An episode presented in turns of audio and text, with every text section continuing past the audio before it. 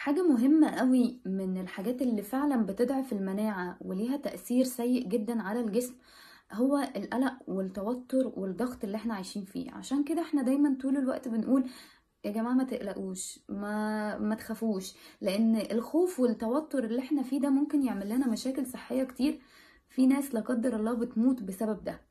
فالقلق والتوتر ده بيرفع لي حاجة اسمها كورتيزول ده stress hormone في الجسم وده مش بس بيجي من القلق والتوتر ده كمان بيجي من كتر التفكير ومن السهر ومن كمان المجهود الزيادة اللي إحنا بنعمله سواء ذهني أو بدني. فنحاول نريح على قد ما نقدر ما نفكرش كتير نسيبها على ربنا وننام كويس ونظبط نومنا عشان مستوى الكورتيزول عندنا يقل في جسمنا وده يحسن من المناعة بتاعتنا.